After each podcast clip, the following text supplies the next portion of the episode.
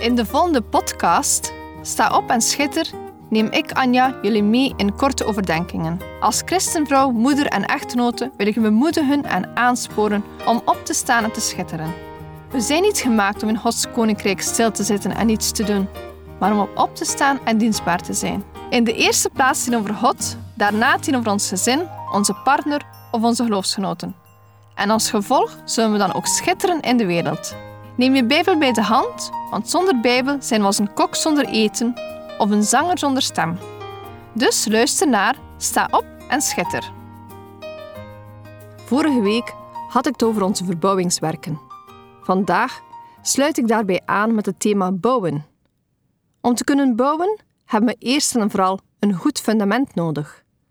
In ons christelijk leven is het Jezus. Jezus is het beste en enige fundament die zal staande blijven bij stormen in ons leven. In mijn eerste uitzendingen heb ik twee podcasts gemaakt in verband met het thema, namelijk bouwen op de rots en het juiste fundament. Je kan deze altijd opnieuw beluisteren. In de Bijbel vind je verschillende teksten rond het thema bouwen, waaronder 1 Korinthe 3, versen 11 tot met 13, waar staat: Want niemand kan een ander fundament leggen dan wat gelegd is, dat is Jezus Christus. Of nu iemand op dit fundament bouwt met hout, zilver, edelstenen, hout, hooi of stro, ieders werk zal openbaar worden. De dag zal het namelijk duidelijk maken, omdat die in vuur verschijnt. En hoe ieders werk is, zal het vuur beproeven.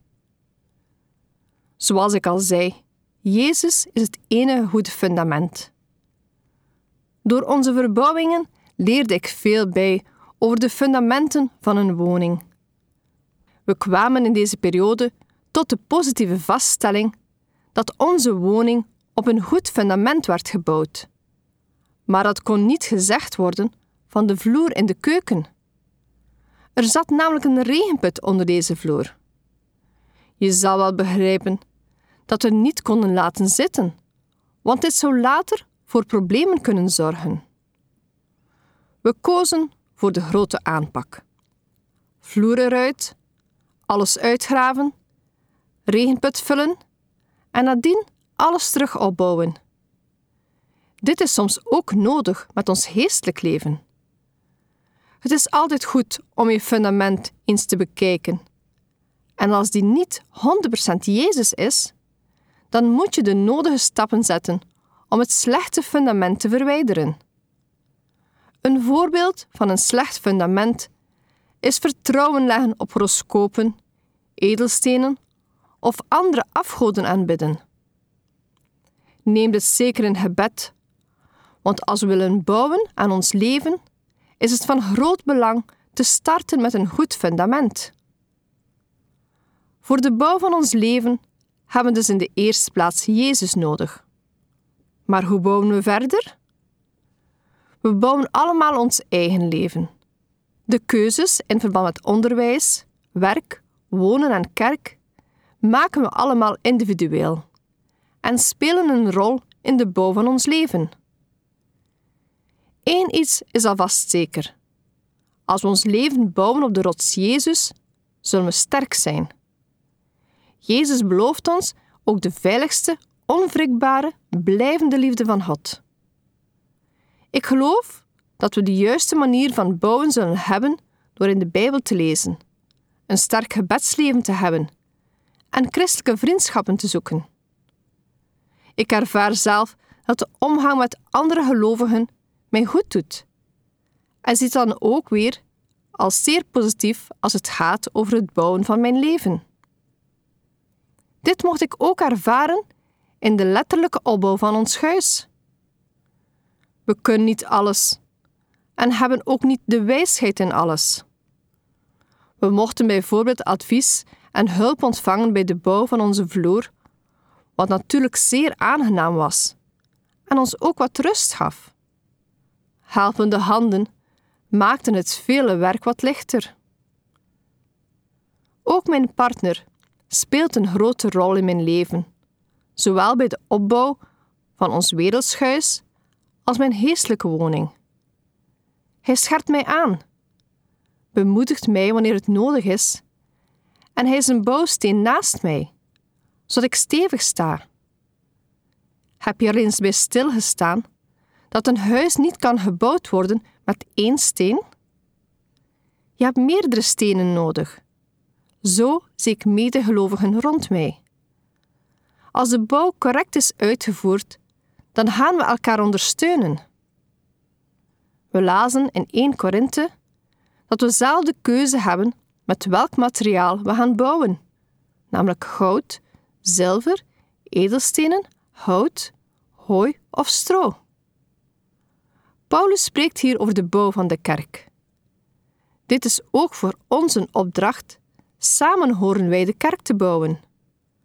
Het contrast van hout, zilver en edelstenen is zeer groot met hout, hooi en stro. De eerste drie grondstoffen kunnen niet verbranden, de andere drie wel. Het is niet om het even waarmee men bouwt. Er komt namelijk een dag waarop het oordeel plaatsvindt. Het goud, het zilver en de edelstenen zullen het vuur doorstaan. Ze zijn vuurbestendig. Maar het hout, het hooi en het stro zullen compleet verbranden. Het oordeel komt met vuur, staat er. Vuur staat voor zuivering. Door het vuur van Gods oordeel heen zal blijken wat staande zal blijven en wat niet. Als het werk dat je bouwde stand houdt, zal het beloning geven. Als je werk echter verbrandt, zal je schade lijden. Maar gelukkig zal je wel behouden zijn. Je behoud hangt namelijk niet af van je daden, maar van waar je op gebouwd hebt. Heb je gebouwd op het fundament Jezus, dan ben je gered. Zij dus die met goud, zilver en edelsteen op het fundament bouwden, zullen loon ontvangen. Wat mooi om naar uit te zien. Alles wat we doen uit liefde voor Jezus zal zijn als goud, zilver en edelstenen. Al de dingen die we opbouwen voor onszelf is als hout, hooi en stro. Ik denk aan de bouw van ons huis. We kunnen dit huis bouwen omdat we het zelf mooi vinden. Er willen mee opscheppen tegen onze vrienden en God nergens in vernoemen. Maar we kunnen diezelfde woning ook gebruiken voor gastvrijheid, mensen op te vangen, het evangelie te brengen en God alle eer erin te geven. Snap je wat ik bedoel met welke waarde iets kan hebben op eeuwigheidsperspectief? Tijdens onze verbouwingswerken namen we ook wat ontspanning en zo gingen we Ieper bewonderen. Op een avond namen we deel aan een wandeling met gids. De gids vertelde de rijke geschiedenis van Ieper. Hij nam ons mee naar de Sint Maartenskathedraal, waar hij het prachtige interieur toonde. Daarna namen we een kijkje in de Anglikaanse kerk en zetten we de wandeling verder via de imposante Lakenhal, de Menenpoort en als afsluit een bezoek aan een ijskelder. Ypres is een prachtige stad, maar ooit was het anders. Tijdens de Eerste Wereldoorlog werd Ypres geheel verwoest. De foto's zijn schrijnend. Een hele stad in puin. Er stond nog nauwelijks muren recht. Van de prachtige lakenhal was niet veel meer over. Alleen een stomp van het Belfort stond nog recht. Als ik wandelde in Ypres, zag ik allemaal gebouwen waarvan ik dacht dat ze er al eeuwen stonden. Niets was minder waar. De stad werd terug opgebouwd na 1918. De gids vertelde ons hoe ze Lakenhal weer opgebouwd hebben, deels met oude stenen en deels met nieuwe stenen.